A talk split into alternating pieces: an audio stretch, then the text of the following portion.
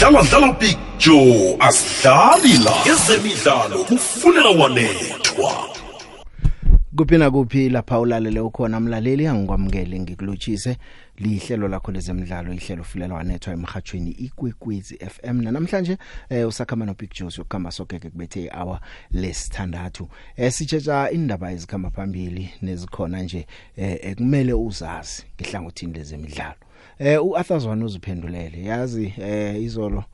eh uStuart Baxter eh, uzwakele mhlapa nje yakhuluma ihlangothi lakhe lendaba athazwana waziphendulela mange ubonile nje ama videos ukhona ukubona ukuthi bekaphendula umuntu onyenyileko ngendlela aphendule ngakhona asazi ke bathe nona yabamuphe iright of reply aziphendulele ngoba eh kukhulunywa ngayo indaba le inaga leyo ke nje ukuthi uBaxter wathi wathi wathi yena bano Dylan Shepard eh ngiboke bacho ke eh abamgwaze ngemva eh bacho bamgwaze ngemva eh kwaba kuloba kwakhe umsebenzi uAthazwana uthi indodana yakhe le ngiye emcothisileko ngisese lapho ke hlangana nezinye ke isicema sakhe za Chiefs siklikile siqinisekileke siqinisekisile namhlanje ukuthi umdlali weBurundi uBonfils Caleb Bimenyimana uBimenyimana uklikle contract yeminyaka emibili waqeda imveke endathu umswalo eh esichimeni seKaizer Chiefs atrial lapha kuthiwa khona emidlalweni yokuzithabulula emithathu wabetha amagondelo amabili eh wakhamba ke frustrated ngoba eh iChiefs beyiriyada ukumhlikihla obathi noma afike ekhabo wathi wathi iChiefs ngibambezele kukhulu ngangithola izinyo ngichema ngayo ukuhlikihla khona babe unprofessional bangoneli isikadi batsho ke wathi anginaka khamba kone SuperSport yathi khudlule ngapha wala wathi angisafuna ulutho eSouth Africa wakhamba waflathela kodwa ke sekakhambile ke ebathu umsebenzi ubemningi ke ukuthi abuyiswe ndoda kwakhulunywa ngichema kwakhuluma nenhlangano eziphethe ibhola khona lapha eBurundi eh kwazwana kufike khona namhlanje fikile esichemeni seKaizer Chiefs eh bayi hlikihla ke bayiceda icontract ngemva kwemhlangano eminingi abo Kaizer Mdaung Junior eh no senior babhizi behla benyuka bajo eh kulungiselwa ukuthi lo mswa weBurundi afikeke hlikihlileke icontract ngeminyaka emibili nekhonakala unyaka wodwa nayiphela ukuthi bangangezelela ngayo eh kanti ke wagcina ukudlala lapha ke eKazakhstan eh, eh sichemeni nasia bathi Kaiser Kaizloda ngiso adlala kiso eh, wakhamba ke nakuthoma unyaka lo watlikitla nesichema seUkraine kodwana ke ngebanga lephi abakhona lapha eUkraine Russia ifahlela khona wabhalelwa kuya ukuthi ayokudlala nangu ke nje usesichemeni seKaizer Chiefs ngizo ke lezo eh isicema seKaizer Chiefs einkulumo bezithi ifocal point abanayo phambili akuna target man akunamuntu abakwazi ukuthi naba cross imbolo nokho bazi ukuthi ihloko yakhe ikhona lapha njeke ke sewutholakele kuzakubonakala ke ukuthi izinto ziyahlangana noma kanjani kodwa ngingakutshela khona ukuthi ingchema zisazokuhlikihla window period iphela nge22 zika September ngiyacabanga ukuthi zisazoklikihla nesundowns nayo sayilindile ukuthi bamemezela abadlali ebahlikidlileko ekusalungiswa amaphepha abo eh abafikile kwabanye bakhona la kusathuliwe nje sisaza kuzwa into eziningi ngakulawo mahlangothi lawo izolo Orlando Pirates idlalile iwathethe amaphuzu womathathu bedlala lapha neRoyal AM izolo ebusuku eh one not Kondelo balibethe umdlalo onemzuzu emachuma amathathu nemzuzu emine libetshwa lapha ke nguDion Hodo umdlalo bowunebelo kuthonywe ngebelo elikhulu kulo kuloya mdlalo eh Orlando Pirates ke yalibetha igondelo noma ke nawuthoma kube ubona ngasuthi eh, isichema seReal AM hina sisiyathusezela kodwa Orlando Pirates idlale kuhle izolo beyikhandela kuhle eh nebelo nje bebadlala ngayo combination yonke into eh beyikhamba kuhle khumbula ukuthi umbandulo utshilo wathi sengithoma ukulemuka ukuthi kumele ngenzeni ngifake bani ngingafaki bani niza kubona ngomdlalo weRoyal AM sithebeke ukuthi ke njengoba sibonile nje eh, ukuyaphambili ke sasa kubona okhunye okukhulu amaguduva uAnthony Joshua uyala ngomgcibelo na umuntu wamaguduva balwela lapha unongorwana wephasi uheavyweight ulwa lapha-ke no-alexander usik um eh, uthi nakakhuluma ukuthi ipe kumele ayithumbe nakanjani ufuna ukubuyisa bonongorwana bakhe baba ngakuyo kodwana sebabathethe-ke nje um lo mswa we-ukraine ngoseptemba unyaka opheleleko wambetha lwakajoshua bekuyi-prefight media conference lapha akhulume khona-ke um ujoshua wathi ngokomkhumbulo ukulungela ukuthi azibuyiselele waloba lapha eTottenham Hotspur Stadium eh waloba unongorwana weWBA weWBO weIBO neIBF behavior heavyweight eh, lehlandla lesibili ke leli ayokulwa godu lapha eSaudi Arabia eh walwa ngo2019 nakhona bekalwa lapha noAndrews Junior kuyipi ebuyelelwako ngemva kokuthi yena lo Andrews Junior wambetha wabathatha bonongorwana wabuyela godu wayobathatha khani kule lihlandla uzabathatha godu na asazi nakayithumileko kuyipile uzokuthatha bonongorwana abathathu besathola nonongorwana weRing magazine nguyo lwelwako ke bekaphethe lapha ke nguTyson Fury Tyson Fury vekephelela ukuthi lonongorwana ngisesebenzi ngaye ngimbeka phansi akakamlweli no wa, wa nakalwako wamthumba okay manje nje uthe eh eh ngisamfuni alo ozomthatha lofana mlwele ya laba babili abalwa ozomthatha okay kuyenzeka kube nonongorwana ekuthiwa uvacant ongakaphathwa umuntu ngisamsebenzisi asabeke lapha bese kucalwe ama contender mhlawumnye babili abajame kuhle kuma rankings bamlwele unongorwana lo so lo bekaphethwe nguye u um, uTyson Tyson Fury umlisile ke iveke phela kobabili laba ke bazamlwela naku Joshua must win now I like the pressure it's been tough Robert Garcia Angel Fernandez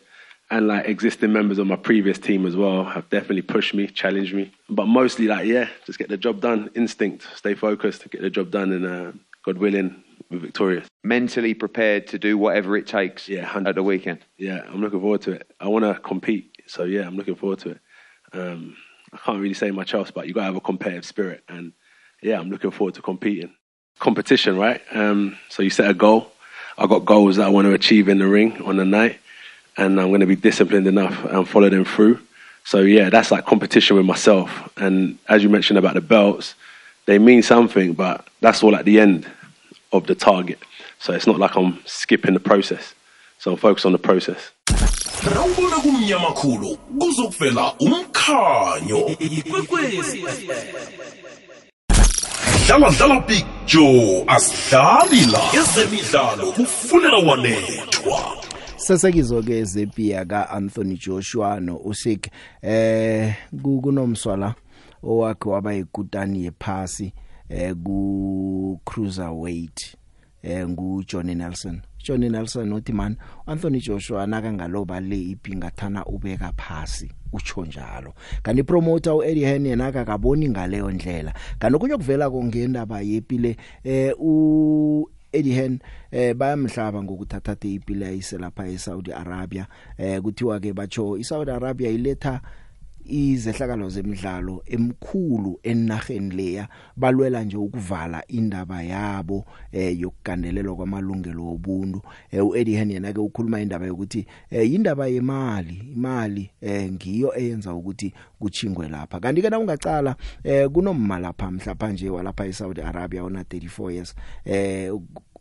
ufakwe ejele bamgwebile eh bamphe 34 years ejele usebenzise iTwitter eh iTwitter khona ke bekakhamba ke a retweeter akhamba a like enza zonke izinto ezikhulunywa abachochozeli abalwela ukuthi abantu abaphathwe kuhle enarheni leya bamgwa manje khona ukubona nje ukuthi amalungelo obuntu eh, agandelelwa kangangani kodwa na ke uEddie Hansen tena ke indoza leze politika kafuna uzingena khulu eh, uqala nje ukuthi ngehlangothini lezemidlalo iSaudi Arabia isiza kangangani nemali elapha ingangani abadlali bayahlomula I think anyone that suggests AJ should retire is a clown, to be honest with you, because when you've got a guy who's physically in the prime of his career, he's never really been in a fight where he's received damage. I mean, the Klitschko fight was a tough fight, but you know, and he loves the game. He has the same desire that he, he's ever had. So if you lose to the pound for pound number one in the sport, you should just automatically retire, should you? I mean, it's ridiculous. We've seen the change. You know, we know who we're working with here in Saudi. We know the investment that they're making from the bottom of the sport, at grassroots level, to the very top of the elite side. Participation level is up over 300% at grassroots level here. I wish our government would actually invest in the sport like they are here. Boxing clubs quadrupling in, in numbers, and that's off the back of a pandemic. First time around, we got quite a lot of criticism I haven't had any this time, in all honesty. And of course, my main interest is to ensure that the fighters get the best opportunity. It's a very dangerous sport. Financially, of course, we always want to make sure they make the most money for the risk involved. But again, we see the changes here. I came here three years ago. This place is unrecognisable to when I was here previously. So we see sometimes the criticism, sometimes from people that have never been. Everywhere needs to improve, everywhere needs to change. If, if it happens through sport, if sport and particularly boxing can inspire this country for change or can inspire the next generation or motivate the younger generation, I'm all for it. Everything has been first class once again, and we'll have no hesitation returning to Saudi Arabia or particularly the Middle East, which is going to be a big boom region for the sport of boxing. You, I watched a lot of the golf press conferences, and people need to stop. You know, you shouldn't be afraid to talk about the financial benefits of coming somewhere in sport, particularly in a sport as dangerous as boxing, right? And boxing's not golf. You know, you th- this can always be your last ever fight. And for me, I want to make sure these guys. And one of the reasons we're here is for the money, of course. You know, and there's no point dusting around that. But there's many other reasons why we're here, and the first experience was spectacular, and the second one's been outstanding too. So we look forward to a great event on Saturday. ngena emahlelweni ngokuthumela iphimbo lakho ngewhatsapp ku-079 413 2172 ikwekwecfm kukhanya ya ekhinye ke okhunye ukukhona beyindaba yephaliswano yebigree yaphasi lapha eQatar eh, amathikiti batsho ayakhamba ayathengwa sekuthengwe eh 2.45 million tickets eselathengisiwe ePaulson leBigree phasi eh bekuvulwe enye ke iperiod yokuthenga kusukela ngem5 zika July ukuya kumhla ka16 eh athengwa ngaleyo ndlela ke eh bacho ke imidlalo yabo Cameroon nabo Brazil eh ama group stages uthengiwe hle iBrazil nayidlala neSerbia uthengiwe hle iPortugal neUruguay ithengiwe Costa Rica neGermany ithengiwe iAustralia neDenmark eh athengiwe kuthenga abantu eh, babe United States beMexico nabalapha eQatar eh, beSaudi Arabia United Arab Emirates England Argentina kulapha thengwe khona ngobunengi ihlangana nezinye inaga ezithengileko eh, manje ke bazasitshela ke ukuthi eh, amanye ama date okuthengiswa kwamathikiti azokuba nini bathi bazakukhuluma naso kuyokuphela uSeptember kanti ne over the counter sales eh, bathi ke iza kuba khona lapha eDoha eh lapho ke ma last minute sales lawo ke kuyokuthengwa ekugcineni abantu bathenga online sakubona ukuthi kukhama njani eh iSenegal ithi nonyaka nje ifuna ukuba inaga yokthoma eAfrica ukufika kuma semifinals wePalswaneli ngoba inaga zeAfrica zonke zisebenze kuhle zidluka lapha eh, kuma quarter finals asazi kiza kwenza njalo ke eh, iSenegal na ngiyabuya ngizokuza lapha ke kuAthazwane ake ngidlale nje ama voice notes mabili mathathu ngikhambe ngijinge lapha eh, enhlokweni zendaba nangibuyako ke sizwe nje ukuthi kukhambekani eh, namhlanje lapha eNaturena yini into beyikhulunywa nguAthazwane aziphendulela kulokho kwakhulunywa nguStuart Baxter picture picture ibhana sitimela mnguni mamelodi picture ukuthoma ngihlalisa isicema samolando pirate umdlalo lo ungasilwana kancane itwist ithwahla yasihlukuphumile kaningi but ngiyathokozela iwini yethu leya isibheke ujamini ukuthi kujaye uyathembisa ngaphela umadispa nedinga siyajaha abantu siphele ihliziyo kusho njani ngiyathokoza bayi lotsha the big ukhuluma nothabo walebhakhaniya ebakusolteni yebo ibhidro usithumbile zisolo kodwa-ke ibhidro isithembu solwana pirate asidlalanga kuhle um eh, izolo ibhidro kungoba uyacala um sithumbile ngoba vele i-oil m picture since yafikako Eh, ibizwa njenge-L_E_M eh, asiyibethi kodwa zange khe isibethe nathi-ke um thina vele ne-royal a m um umlando wethu uyazi nawe picture ukuthi hayi akusona isicheme sisihlulako um mkhanya kwaphela osusa ubumnyama kudlalwa dlalwa picture asidlali la ezemidlalo kufunela walethwa uvelile wakwamnyandu evelile i-cape town city ichajwe i-psl uzola majava uthi batsho bekumele batshele i-psl before ba-announsa isponsor angazi ukuthi i-compliance manual mnyandu khani ungakhona ungasilonje uyitsupule khona neje ukubona ukuthi mhlawumnye ithini ethi member clubs must apply to the league for prior written approval at least 14 days prior to concluding not when it's concluded yeah Se sesiza kuzwa khona ukuthi abo 14 days abo iCape Town City ithumele konke procedure ilandele mhlawumbe yaphela ibona ukuthi PSL ayiphenduli yathi siyaraga ke ngoba napa bathulile Big Joe abuzwa lamajabo bahlezi kamnandi lapha ku PSL bahlezi kuma comfort zone nje sebachajela iCape Town City ukuthi iunveil isponsor before bona kulela wanethwa mlaleli lihlelo fulela wanethwa eh nasi i, umdlalo wecricket eh iSouth Africa namhlanje nakuceda ukudlalwa ke eh beku 158 for 2 yeah yeah u, 1642 njenganje ya uyaraga ke umdlalo 1642 basitshe nje ngemgijimo emhlanu kuphela masitshena emgijima emhlanu kuyachoke ukuthi eh na kanjani ke sizakuthi silala sabe sekungithi ke mhlawumnye siyibambile imgijimo yabo eh sesithoma nathi sieda yethu kabazakuthina babuyako bagijimise yona imgijimo Yebo yebo David kunjani kwalana ubulabula na Joseph Albanga eh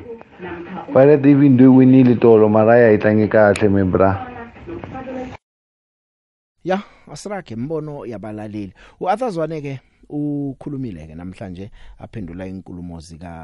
eh Stuart Baxter ukuthi yena no Dylan Shepard ngibabamdlisa ngomsebenzi lokhana kaphethwe iCovid-19 eh manje uthi hayi indodana yakhe uLi Baxter nguyowamdlisa ngomsebenzi uLi Baxter beka igoalkeeper trainer ngalesa sikhathi uBaxter cede ukutshela SABC ukuthi man ngathi nangihleziko eh ngiphethwe iCovid babuya laba bajugulula izinto ngendlela yabo athazwaneke uyatsho ukuthi udanile ngekulumo kaStuart Baxter kwabe kaqale ukuthi umuntu abasebenza bonke mse ekumele kumele bafunde kuye kutsho uArthur Zwane eh ya nangu ake ngimfake nje ngingakhulumeli futhi uh, look uh,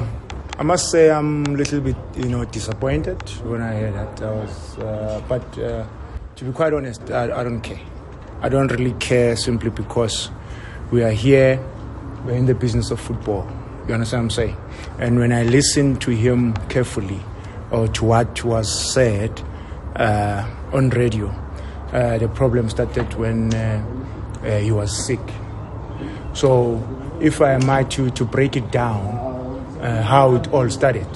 uh, it's, it's simple. He's actually exposing himself. That weekend, we were playing against Muruka Swallows. I was also sick, you know, and then Coach Shepi followed. And when we were, were supposed to play a game that won the Cape Town City, I was still recovering, Coach Shepi was still recovering. And uh, when you look at the starting 11 that played against Swallows, um, Tiantia was in the team. Happy Mashiano went in. Uh, many, most of the youngsters played because already we had COVID cases, you know. Uh, and unfortunately, the following week, that number, you know, uh, uh, increased. And uh, I was one of the, those who was like sick and uh, we had to play a game I think against Aros after the Cape Town City game that we couldn't because we didn't have players. And uh, just before uh, my first day back at training, uh, because now there was obviously a pressure that was coming from outside that we should play in terms of the rules that time. I don't know how I put it. Uh, uh, we had to now get the 11 players. And that time, if my memory serves me well, we had only few players to play. We, when I arrived at, at training, we had seven players that were available to play. And those seven players, some of them, you know, were just recovering, just like me, you know, coming from, you know, COVID uh, situation. And uh, uh, fortunately, uh, some of the players who were also part you know, you know, if you are you are close contact, you know, you you know that you have to sort of like isolate. So some of the players that came back that time, I think we managed to have about 13 players. 13 players were not fit to ready. Uh, I mean, were not uh, fit and ready to play. Uh, 13 players who were battling some of them, and we knew that there was no way that they could even last in the game. We we're actually taking, you know, uh, chances. Now we had to come up with a starting 11. And the starting 11, the, could, the team couldn't balance in terms of the, the, positions, you know. So we had to take players like Njabulo Blom into the middle. We had to start with Nkosing Pile Ngobo. You know, we had to start with many other players who were not playing regularly. We trained for one day, and then we were playing. We played against Skukune. We won against Skukune.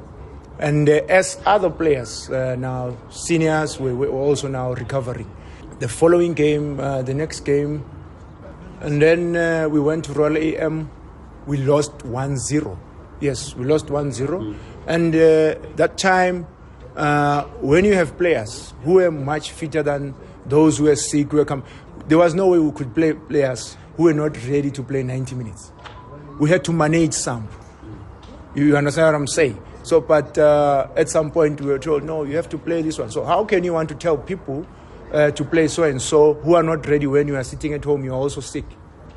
And then you come and say, uh, we, the team was going the other direction, then we came in and changed, you know, things. And no, it, those were the players who were available. And those players were available and fit for the game against Real AM. nangoko athazwane kanti uBaxton akakhuluma kokunye akukhuluma ukuthi batsho beyingekho indinyana econtract nakhe ithakadlalisa abadlali abancane esichimeni kodwa na ubuyele emva uzokhumbula abo Ensmidendorp no Gavin Hunt bese bathomile ukunande bafaka abadlali abancane uzokukhumbula nje ukuthi uNkosi ngiphile ngcobo eh ubekadlale 40 yemidlalo ngaphasi kwa Gavin Hunt kodwa na ke nakufika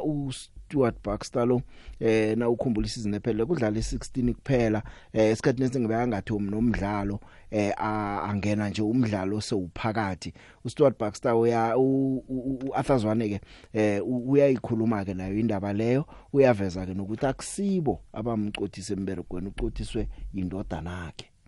if he can like elaborate as to when he says we backstab him how do you understand what i'm saying because We, we thought we were working with someone that we can learn from, uh, someone that will be our mentor. And you understand what I'm saying? So that is why I'm breaking it down for you now to say, uh, when you look back, this, this, th- that was the situation that time. Those were the players who were available, who were played by him when I was not there, when I was sick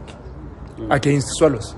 So we had to continue because we had just beaten Swallows three or four in that, uh, I think. Then we had now that, that those challenges where uh, many players now uh, the number increased in terms of uh, COVID cases, and we had to continue where we left off with those who were available for selection. Others were not available; they did not even come and sit on the bench. We had to take him to Duze and Fabian, I mean uh, e-, Eden Makati from the development, you know, uh, just to have numbers in terms of substitutions. And unfortunately, um, uh, we're discussing this today. You understand what I'm saying? So I'm, I'm a little bit disappointed because people, they must just own up. You know, if things did not work out, they did not work out. You don't have to shift the blame and point fingers. He's the one who said he doesn't want, he didn't want the young players. You understand? And I don't know why he was saying that. But if you want us to, to, to challenge him head on, then we'll do it. Because they come here and disrespect us and expect, expect us to keep quiet. His, his son backstabbed me. Not us. Yeah. Oh. Because he was a problem as well. Hi hi the big the big at eFontaine sikhuluma noPastor Jeff ikhosi for life ikhosi elinganamona ke ngihalalisele isiqhema seOrlando Pirates ngokuwina ya ngiphakamisa isandla ngithi mapakaniya phambili mapakaniya ngibuye ngithi eh phezu kwe-striker isitethu sisayina namuhla thina simakhosi mhlambe sisakwenza kuhle ngoba sithoda nge-striker um esinamandla esizokuhlala ebhokisini njengabonikovic ngupastor jeff ikhosi for life sharp the big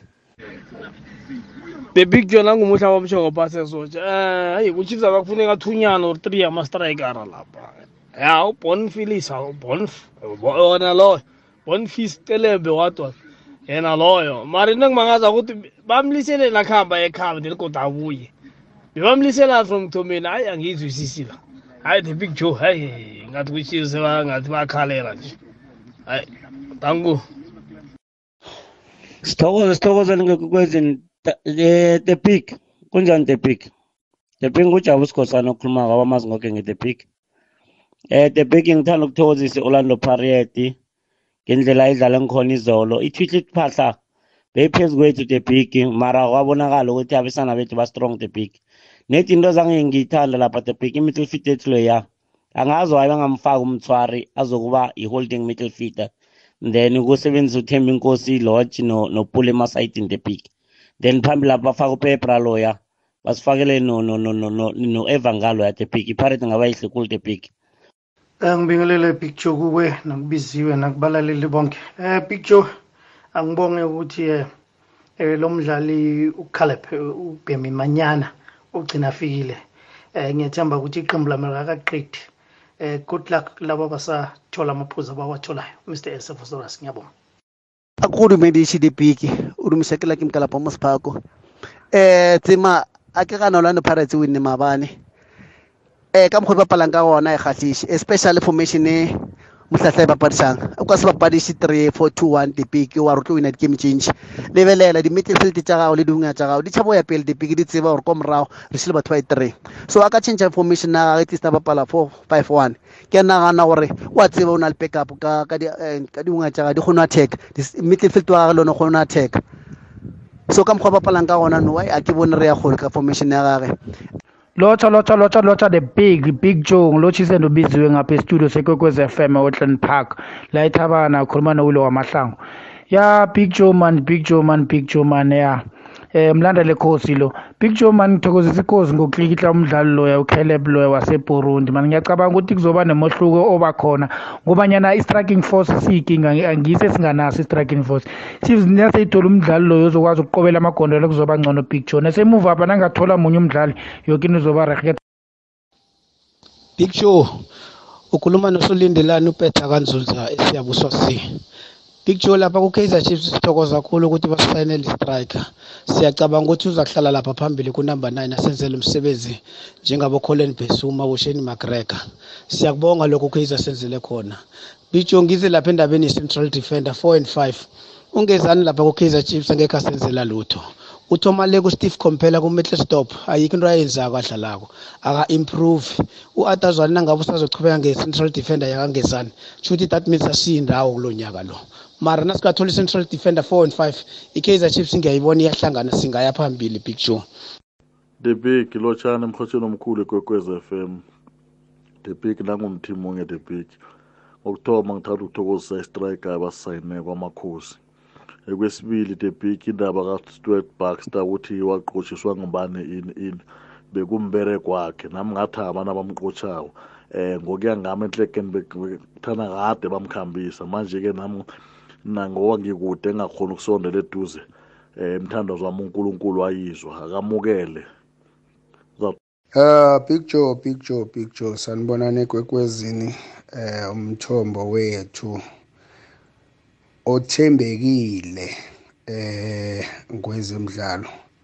hayi masikuzwa ngawo big joe hayi siyathemba big joe ukuthi hayi no kunjalo ngoba bekuney'ndaba eziningi mani ngalokhelebho so ya siya sesiyobona khona picture but hey ah. eh thabela big joe ka mo studiong o bolele khomotso ka mo polokwane eh ke rata gore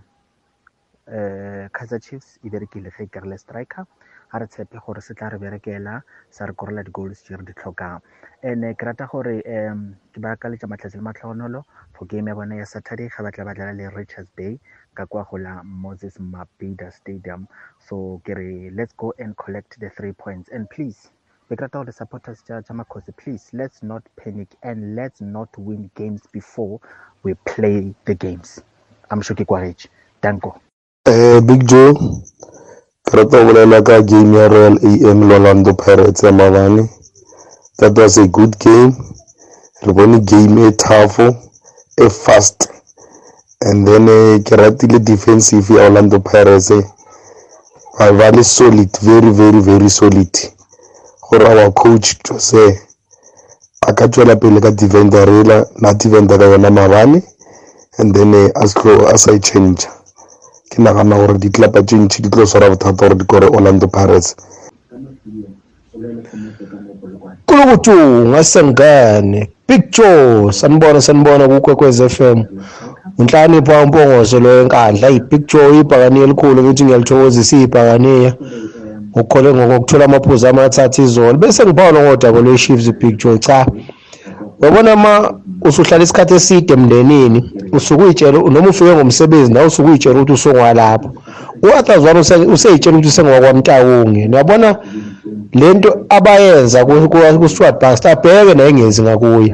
kusemnandi kuye ngoba kuthiwa yena une-history yalazi iqembu ukuthi lidlala kanjani yeyi abheke iy'mba zibheke ngakuyena-ke manje igawulo omncane igawulo omdala kulukuthi ungase ngihambe big joe goodman madalane la e-woodbank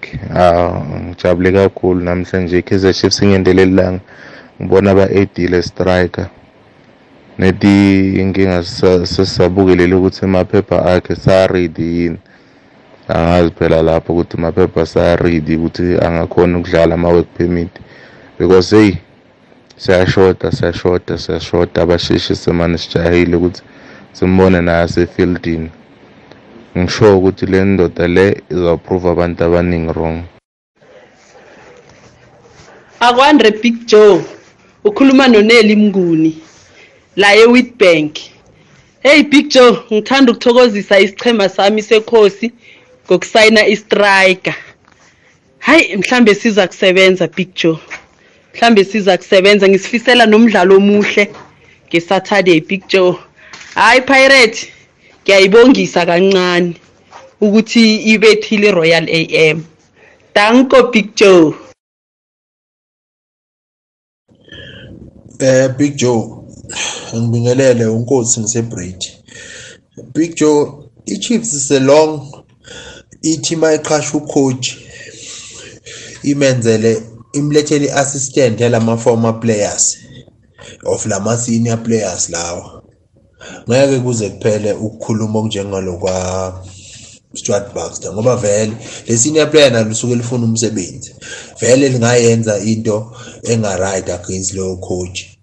kodwa ke asibone uzwane since naye asaphethe ukuthi angenzani. Angimthembi kahle kodwa ngiyamfisela ukuthi angathuthuka ngoba lento yokuthi i-Chiefs every year ishintshe ukhoji akusiyinto e-right kodwa nje honestly ikhona into abayenzayo bona njengalama senior players ma angama-assistant kubokhoji. Ngiyabonga Big Joe.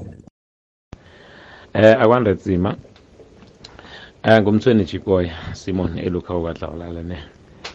Eh ngithanda ukuchokoza isithema sami Big Joe Orlando Pirates ngokuthumba izolo Real and Big Joe is not a, an easy team to, to play against. Eh uh, ukuthi silale njani? I-Real AM for me we were chasing a game. But the most important thing was to get a positive result of which we did. We're planning for the next game now. kuhle kuhle igame yezolo bekuyi-justice for, for i-chiefs rale i-embes iyibethela nje i-chiefs sharp big joe mina ngithi indaba le yakastuart baxter nabo atazwane yokuthi bablamane ba umunye avikele iso lakhe ah, it's just a circus it's just a circus and someone there is a clown i don't know who's the clown there but this is just a circus phekwaloko nje ngizothi phakama mzomnyama phakama mzomnyama sifundisa abomakhelwane ukuthi umamkhizi udliwa kanjani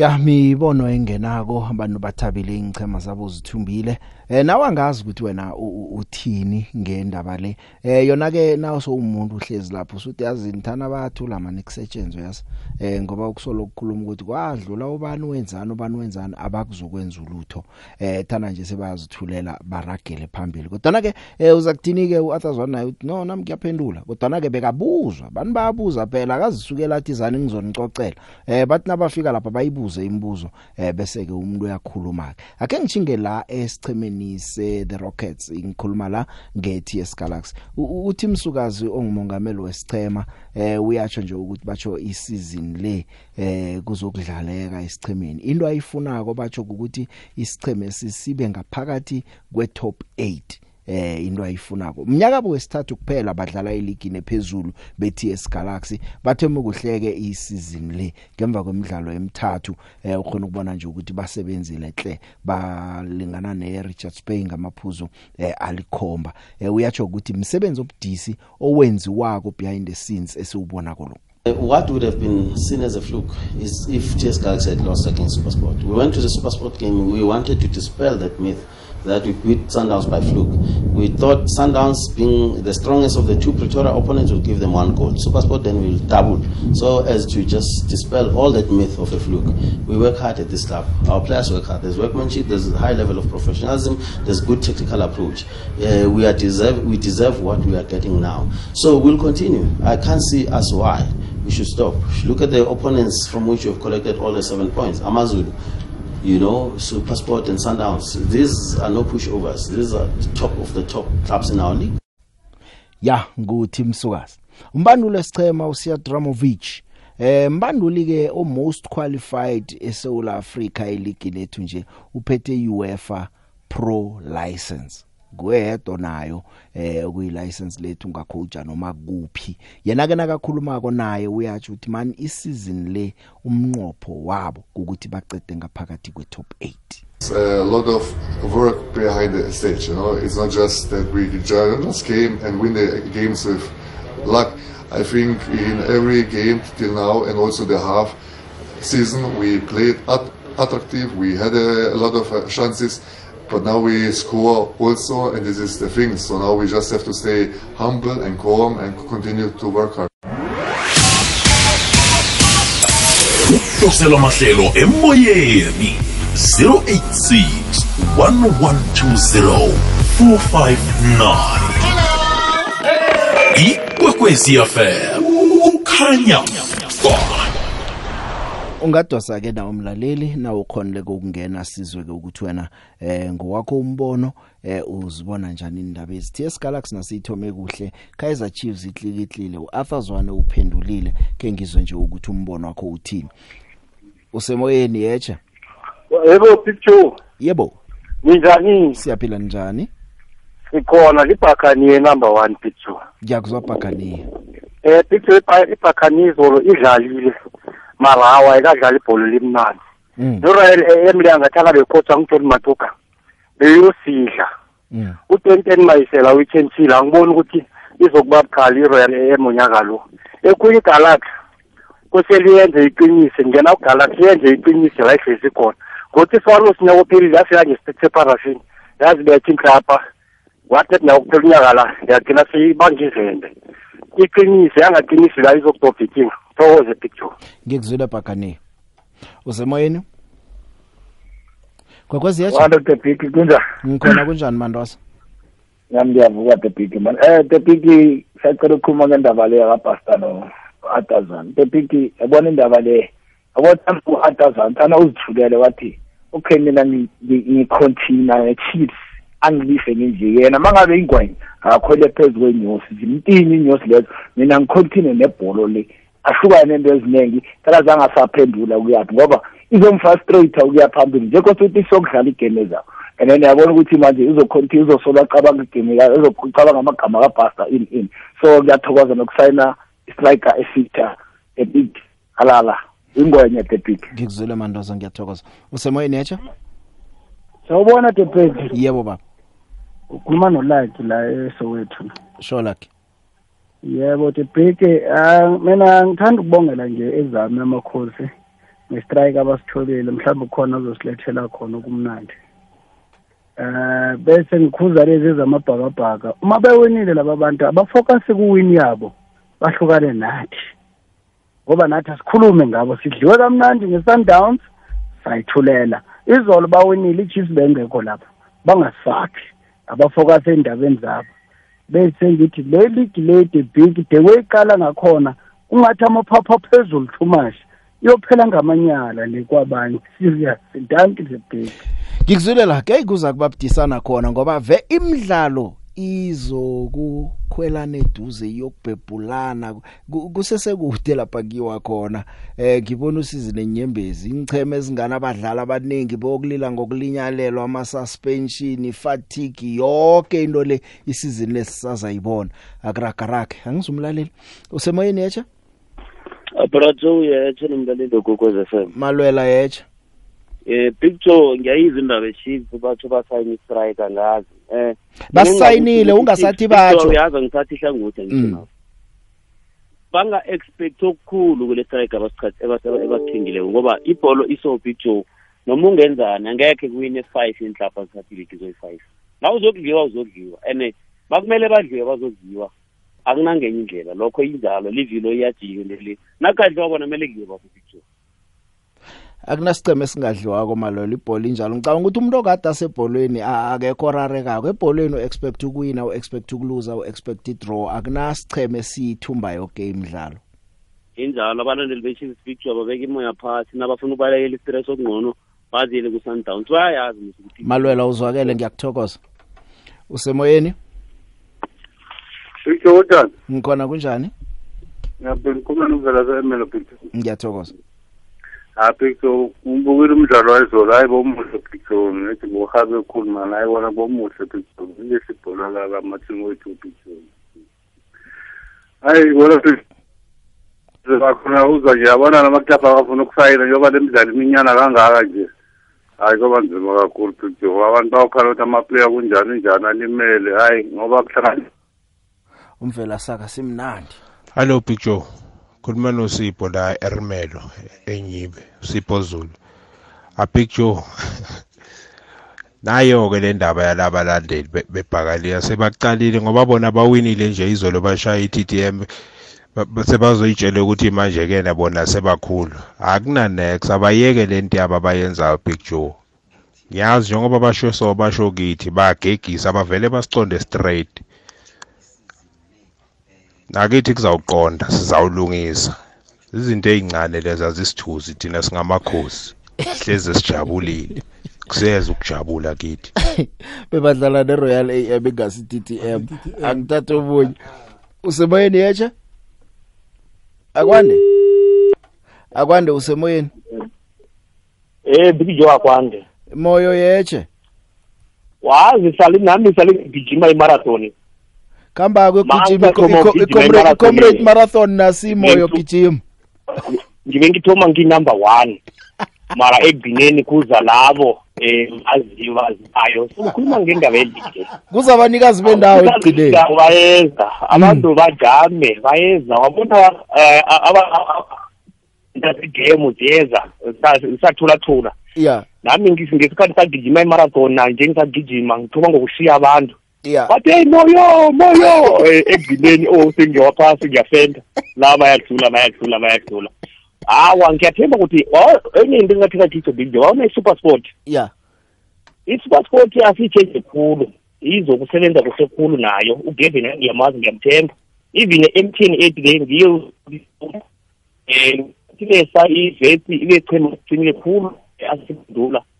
eh kube kune-competition ma-events khona ama-events yakuhamba abantu abane-competition i-sundowns yazenzela